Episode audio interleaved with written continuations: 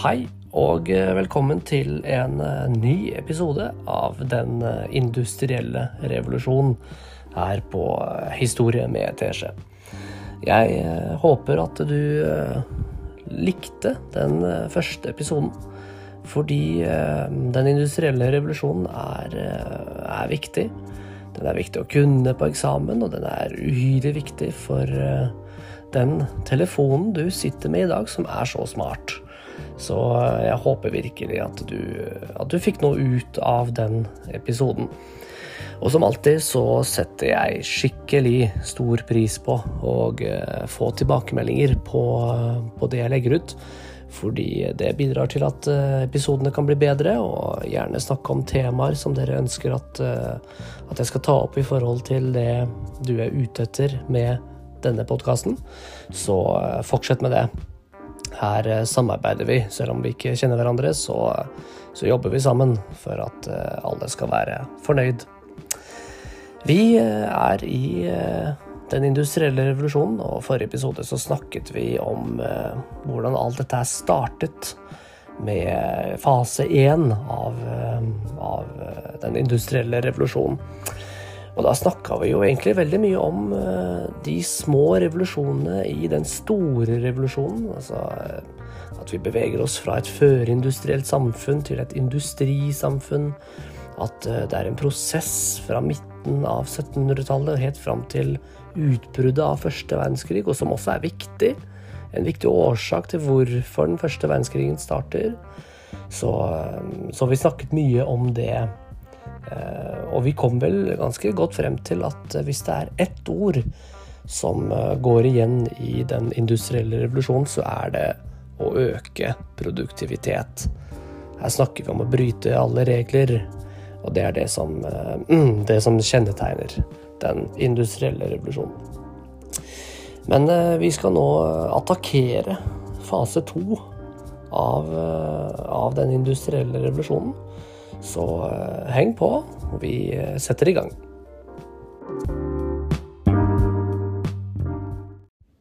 Yes, da, da er vi klare. Vi er, eh, vi er på 1700-tallet, midten av 1700-tallet, og verden er på vei til å endres sånn rent industrielt og teknologisk. Vi mennesker holder nå på å spesialisere oss og bli smartere og eh, mye mer effektive. Og vi, eh, vi øker produktiviteten vår helt opp til skyene. Vi er nå i den andre fasen av den industrielle revolusjonen. Og den andre fasen er veldig ofte betegna som å skje mellom 1850 og 1920. Fra, 19, nei, fra 1850 til 1920 så har vi fase to, i den industrielle revolusjonen og handler i stor grad om at uh, her så skal vi videreutvikle den teknologien fra fase 1. Nå skal man uh, nemlig ta i bruk elektrisitet, olje og utvikle langt bedre måter å produsere stål på. Og man skal få en vanvittig produksjon av kjemikalier. Man skal eh, videreføre revolusjonen man har fått innenfor transport. Og man skal i tillegg få et langt bedre samarbeid mellom stat, industri og vitenskap.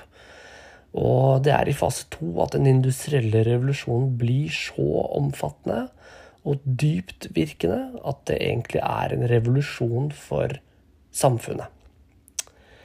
Ok, så Industrialiseringen den sprer seg beklager, eh, på 1800-tallet.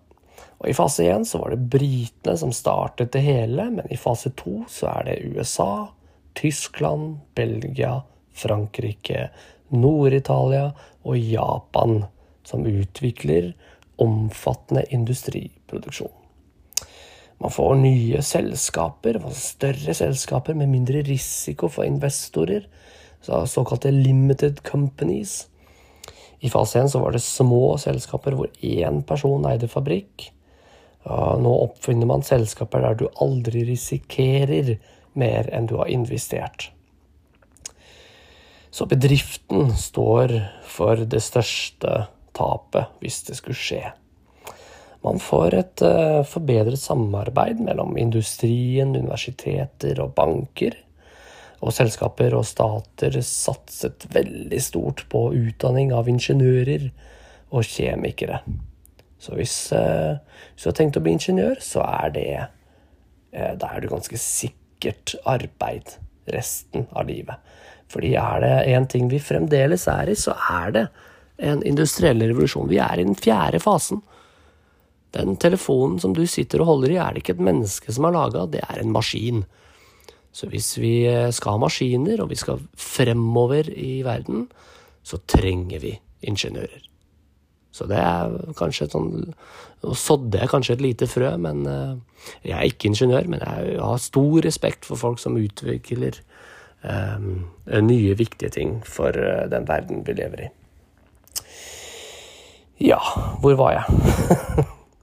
Amerikanere og tyskere ehm, de får til et veldig godt samarbeid på universiteter med flinke folk. Eksempel så får de et samarbeid som etter hvert utvikler samlebåndsindustrien. Ford Motors. Fy fader, den engelske min, ass. Ford Motors. Eh, de lagde et bånd ehm, hvor produktet flyttet seg. Altså, de flyttet på seg på på forskjellige deler. På hver post hadde de sin egen oppgave. F.eks. på den ene posten så var det sett på et ratt, og så sette på dekk, osv., osv. Og dette brukte de på klær og biler og masse. Og det revolusjonerte måten vi produserte ting på, og ble enda mer, enda mer viktige. Nå skal jeg ta og drikke litt, for jeg mistet stemmen min helt.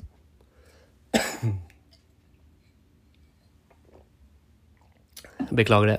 Helten eh, må ha vann for å duge. Nå kalte jeg meg sjøl helt. Det er, eh, det, er, det er, stort. Det er cocky. Ikke greit.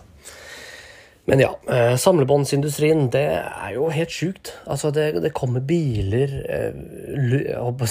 løpende ut, trillende ut av en fabrikk som er laget av roboter. Det jeg syns det er tøft. Og vi får jo i den andre fasen en produksjon, en sånn energirevolusjon, fordi man går fra jern til stål. Masseprodusert stål tilgjengelig ca. fra 1870. Og dette her ga jo helt nye produksjonsmuligheter. Man får en kjemisk industri hvor man får syntetiske materialer, farmasøytiske produkter, industrikjemikalier. Tyskland var veldig gode på industrikjemi.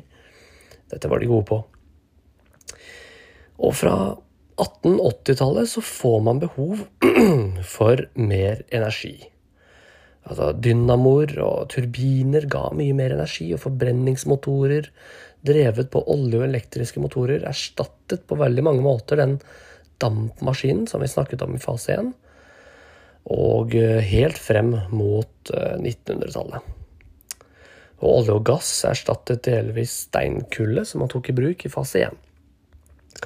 Og så husker dere kanskje at vi snakket om denne transportrevolusjonen som jeg nevnte i første episode at vi skulle komme tilbake til. Og det skal vi nå, åpenbart. Fordi fra 1850 til 1870 så eksploderte jernbaneutbyggingen. Hvilket ga liksom det, det, der, det støtet til en kraftig økonomisk vekst. Fordi det er da jernbanen virkelig kommer, og dette knyttet jo byer sammen.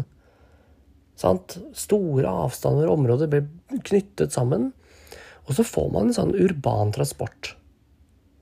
Altså, når byene vokser fram, så trengte man en måte å frakte alle disse menneskene på. Allerede da så var folk late. Sant? I dag så tar vi en Voi istedenfor å gå. Det er fryktelig synd, syns nå jeg, men sånn er nå en gang verden. Så da kom det jo T-baner. Og trikk og biler. Så fikk man en eh, sjøtransport. Man fikk skip som bygget av stål. Man får Suez og Panamakanalen. Altså, tenk på det her. Det, her, det viser en så enorm investeringsvilje at det er helt sinnssykt. Man graver seg gjennom kontinenter for å slippe å seile rundt. Det sier litt om hvor mye du er villig til å investere i noe.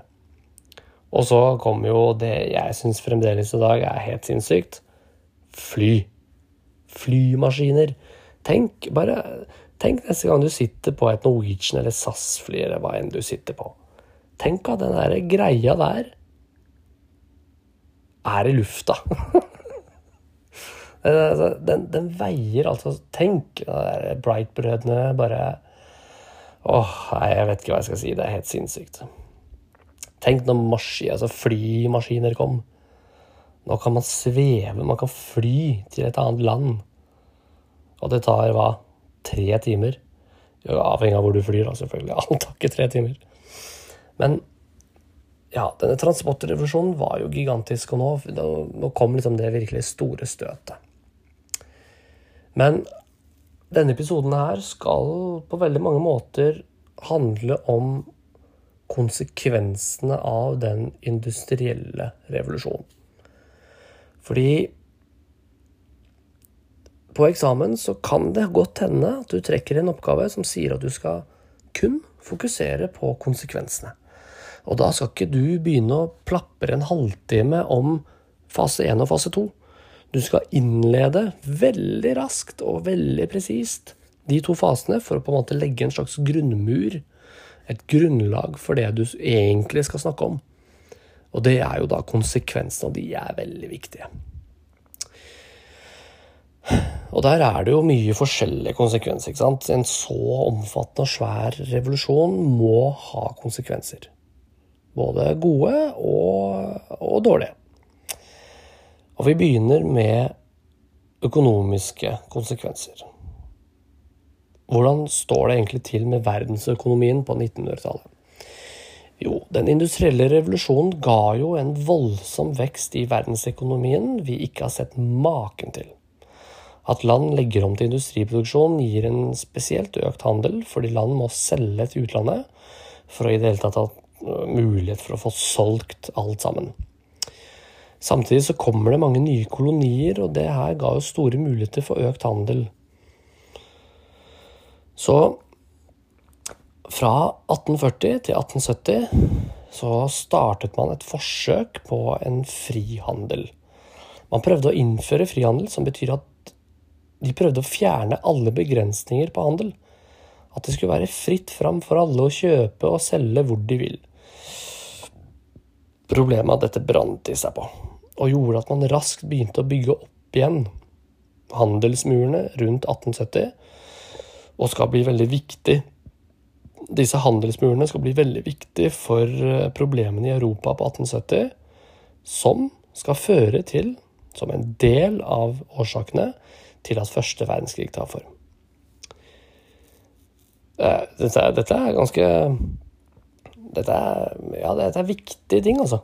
Dette er jo en del av hvorfor Europa og verden kastes ut i en helt sinnssyk krig, første verdenskrig, som jeg jo har lagd en episode om. Når det kommer til eh, nasjonale økonomier, altså innad i et land, så var fri konkurranse Det måtte tvinges gjennom. fordi Heller ikke her ble frihandel gjennomført i frykt for utenlandsk konkurranse. Monopoler og karteller og trust begrenset konkurransen og sikret overskuddet. Fader, nå har jeg en kråke utafor her som driver og gauler midt på natta. Takk skal du ha. Stater eh, forsøkte å begrense monopoler, karteller og trust gjennom lovgivning. de begynte å innføre lover mot sånne gigantselskaper. altså den industrielle revolusjonen fører til at man handler mer enn noen gang. Og de lagde fri konkurranse i bestemte bransjer, for ikke ett eller to selskaper skal styre en hel bransje. Men stikkordet for de økonomiske virkningene er vekst. Så kommer man til, eh, til eh, årsak nummer to, og det er sosiale konsekvenser. Litt av problemet Se for dere at dere nå er midt i den industrielle revolusjonen. Og litt av problemet med at folk nå bor i byer, er fordi revolusjonen skapte en helt ny hverdag. Og mange fikk nok sjokk fra å bo på, fra å bo på landsbygda til å plutselig bo i en blokk som vi gjør på Løkka i dag. Er masse folk. Det blir en, en ny hverdag i form av urbanisering. Byene vokser, men uten planlegging. Så folk kastes på veldig mange måter inn i en boks uten at det er noe særlig planlagt. Så byene var ikke særlig godt planlagt. Den begynte å vokse ukontrollert, og ingen bestemte noe om utslipp. Og folk bodde i en vanvittig forurensa områder. Folk bor i kaotiske byer og har ikke kloakk, ikke alltid rent vann, ingen regel på hvordan leiligheten skulle være. Og for mange var nok dette ganske triste greier. Og vi vet jo det nå,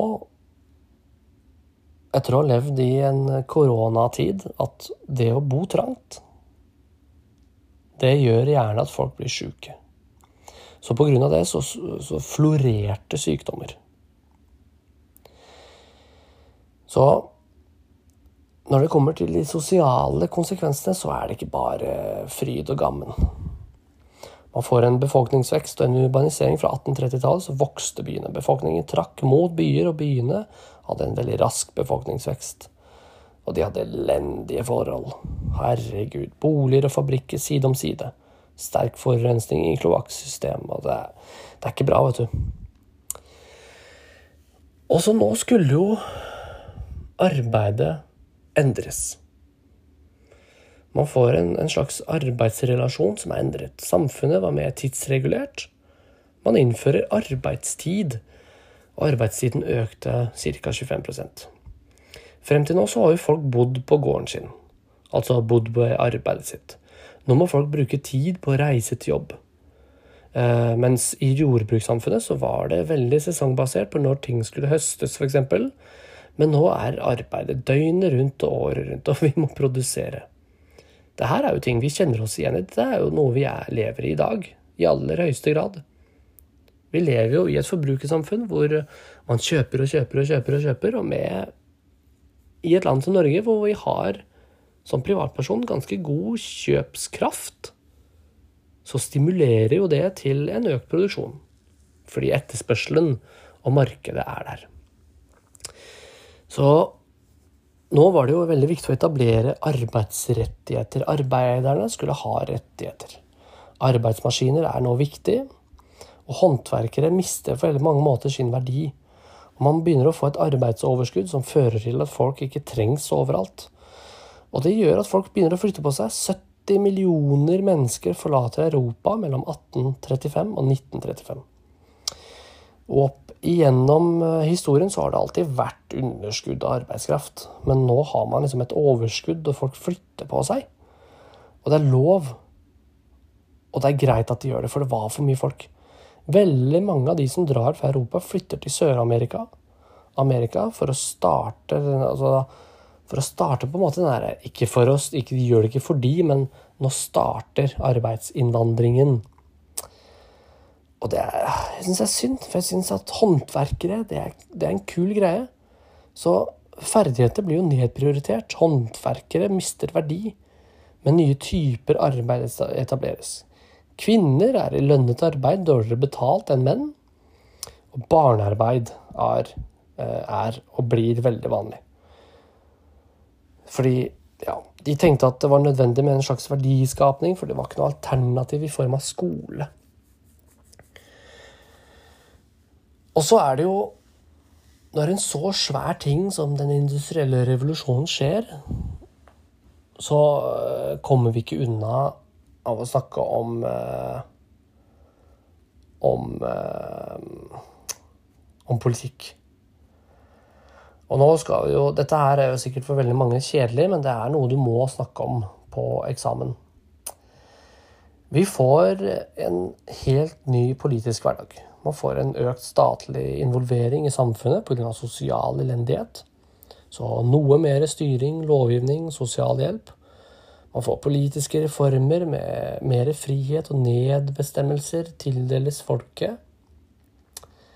Og så får man eh, en slags industriborgerskap, fremmarsj, på bekostning av den landeiende eliten.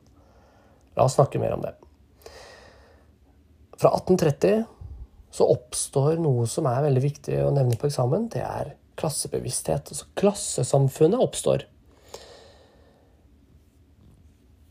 Og klassesamfunnet gjør at det ga folk en slags klassebevissthet. Før den industrielle revolusjonen så hadde vi det vi kaller for et førindustrielt samfunn. Et såkalt standsamfunn og et horisontalt samfunn. Litt sånn middelaldersk. Hvor båndene i samfunnet går horisontalt. Man hadde en adel, en borger og en bonde. Og Frem til nå i historien så har vi hatt et, et horisontalt samfunn, og bønder føler et sterkt lokalt bånd til det stedet de bor på.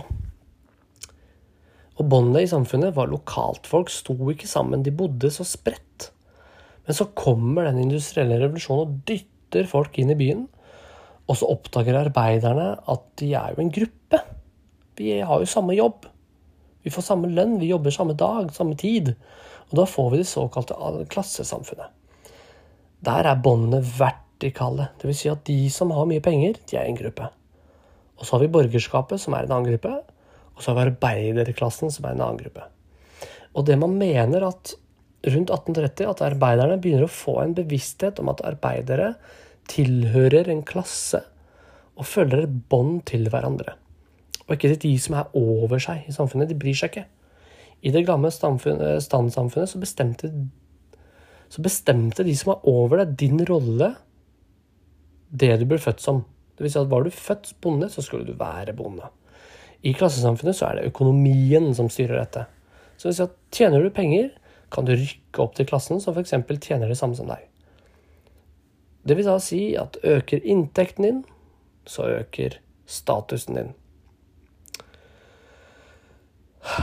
Ja Det er, eh, det er omfattende der. Så jeg tenker derfor vi tar eh, Vi tar en liten pause, og så eh, fortsetter vi straks.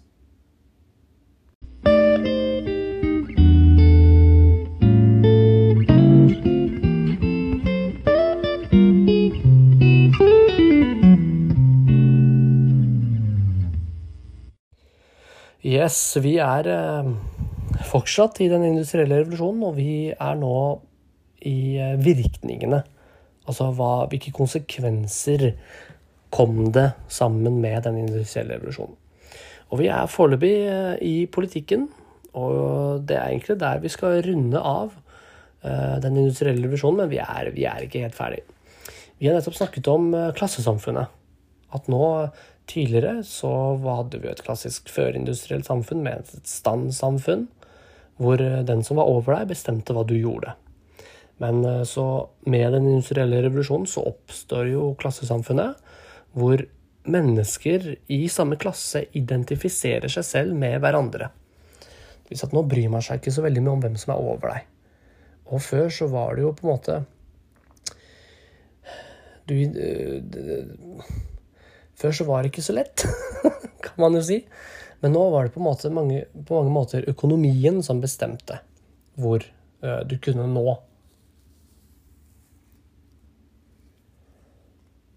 Og med industriell revolusjon så får vi politiske virkninger, og vi får motstridende politiske interesser. Også kalt en klassekamp. Fordi på en side så har du borgerskapets kapitalister som ønsker en begrenset stat. Og på den andre siden så har du arbeiderklassens sosialister som ønsker en stat som regulerer arbeidsforholdene og utjevner forskjeller. Og med klassesamfunn så får vi også motstridende politiske interesser. Så hvis du er en rik person, er du kanskje ikke så interessert i at staten lager masse lover om hva som er lov og ikke. Du vil jo være i fri konkurranse. Og de som var rike, var liberalister.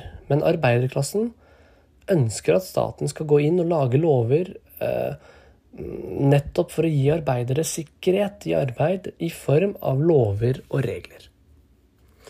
Arbeiderne var sosialister.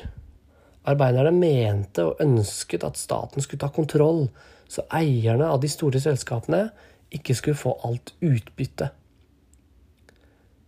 Så Arbeiderne ville ha åtte timer jobb, åtte timer hvile og åtte timer til hva man ville.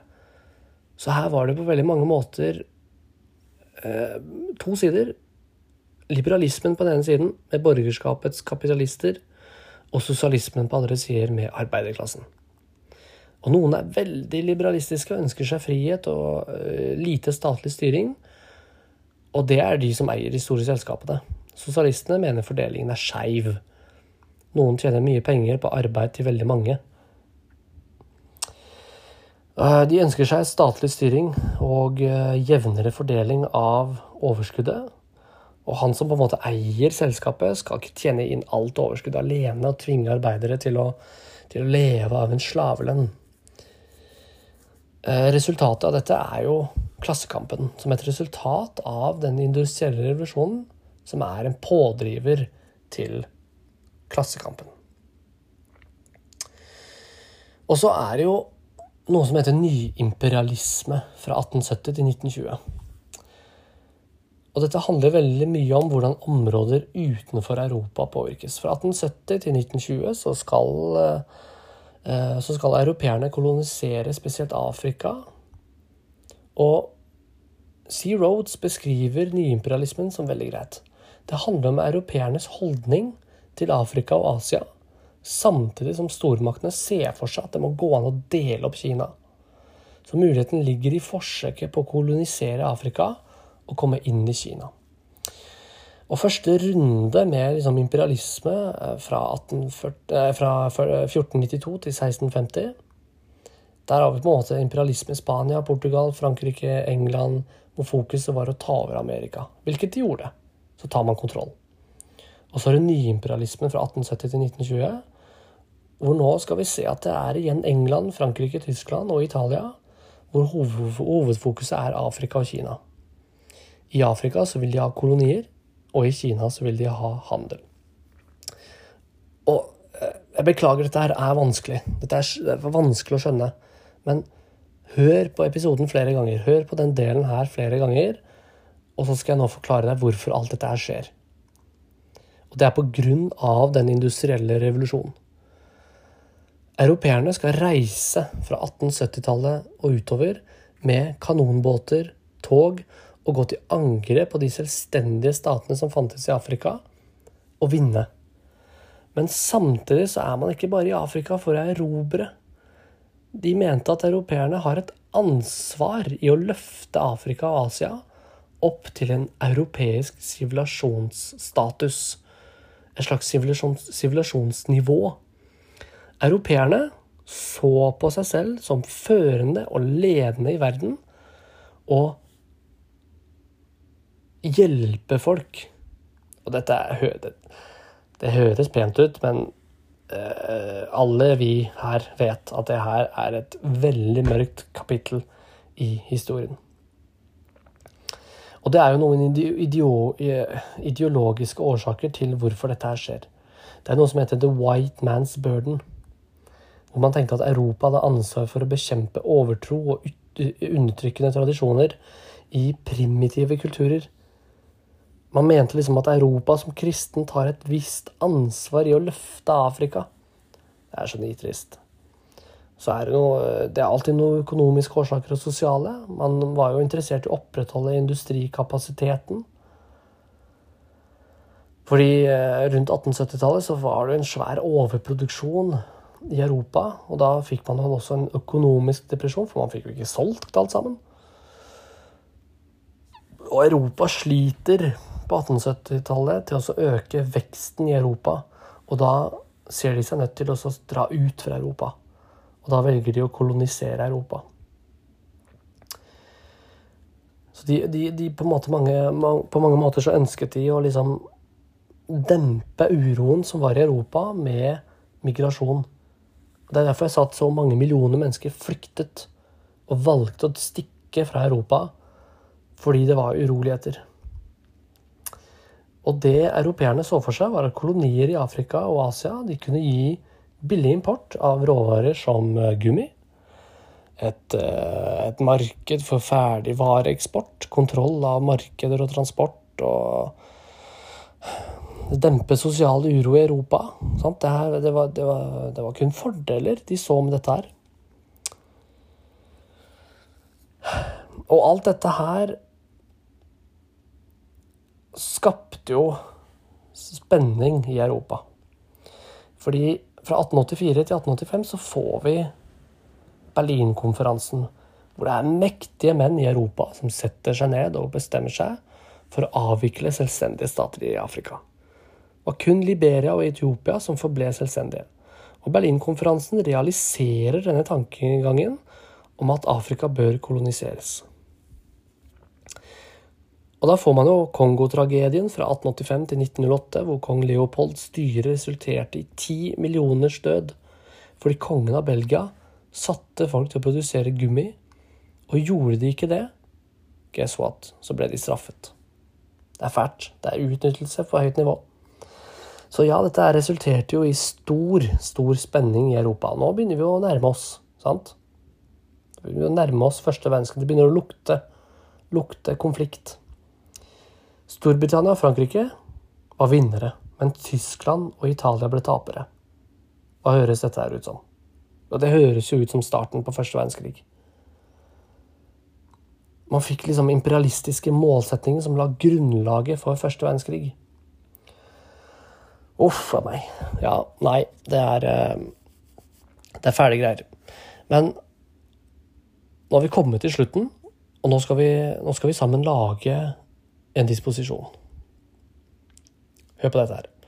Du begynner med å si hva er den industrielle revolusjonen? Jo, det er en revolusjon fra 1750 til 1920, hovedsakelig i England, Tyskland og USA. Det er en revolusjon hvor vi beveger oss fra jordbrukssamfunn til industrisamfunn. Og den industrielle revolusjonen handler om å øke produktivitet. Produktivitet. Vær så snill og husk det ordet. Når det kommer til årsaker, så skiller vi mellom kortsiktige og langsiktige årsaker. Pass på å begrunne hvorfor noe er en årsak. Koble ting sammen.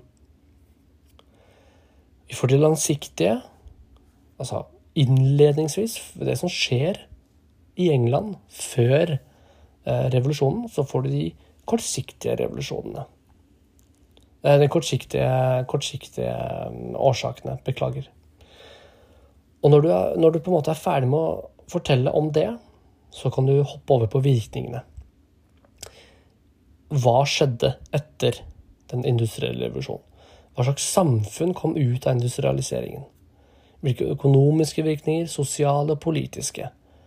Si noe om områder utenfor Europa, og hva det hadde å si for land utenfor Europa og hva all denne, denne koloniseringen og erobringen av land utenfor Europa førte til? Jo, det førte til en økt spenning. Og da er vi jo over på første verdenskrig. Da er det bare å begynne å øve på første verdenskrig. Så ta deg god tid.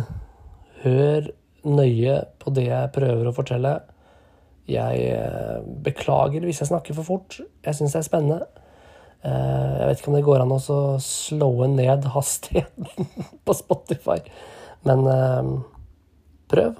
Prøv, i hvert fall. Og legg, som, som jeg sa, gjerne tilbake en, en, liten melding, en kommentar på hva du syns, sånn at jeg eventuelt kan forbedre meg. Eller fortsette å levere det jeg gjør hittil masse, masse lykke til med den industrielle revolusjonen. Og så fortell gjerne hva du vil høre mer av. Så skal jeg se om jeg kan få smelt sammen noe spennende for oss. Takk og god kveld.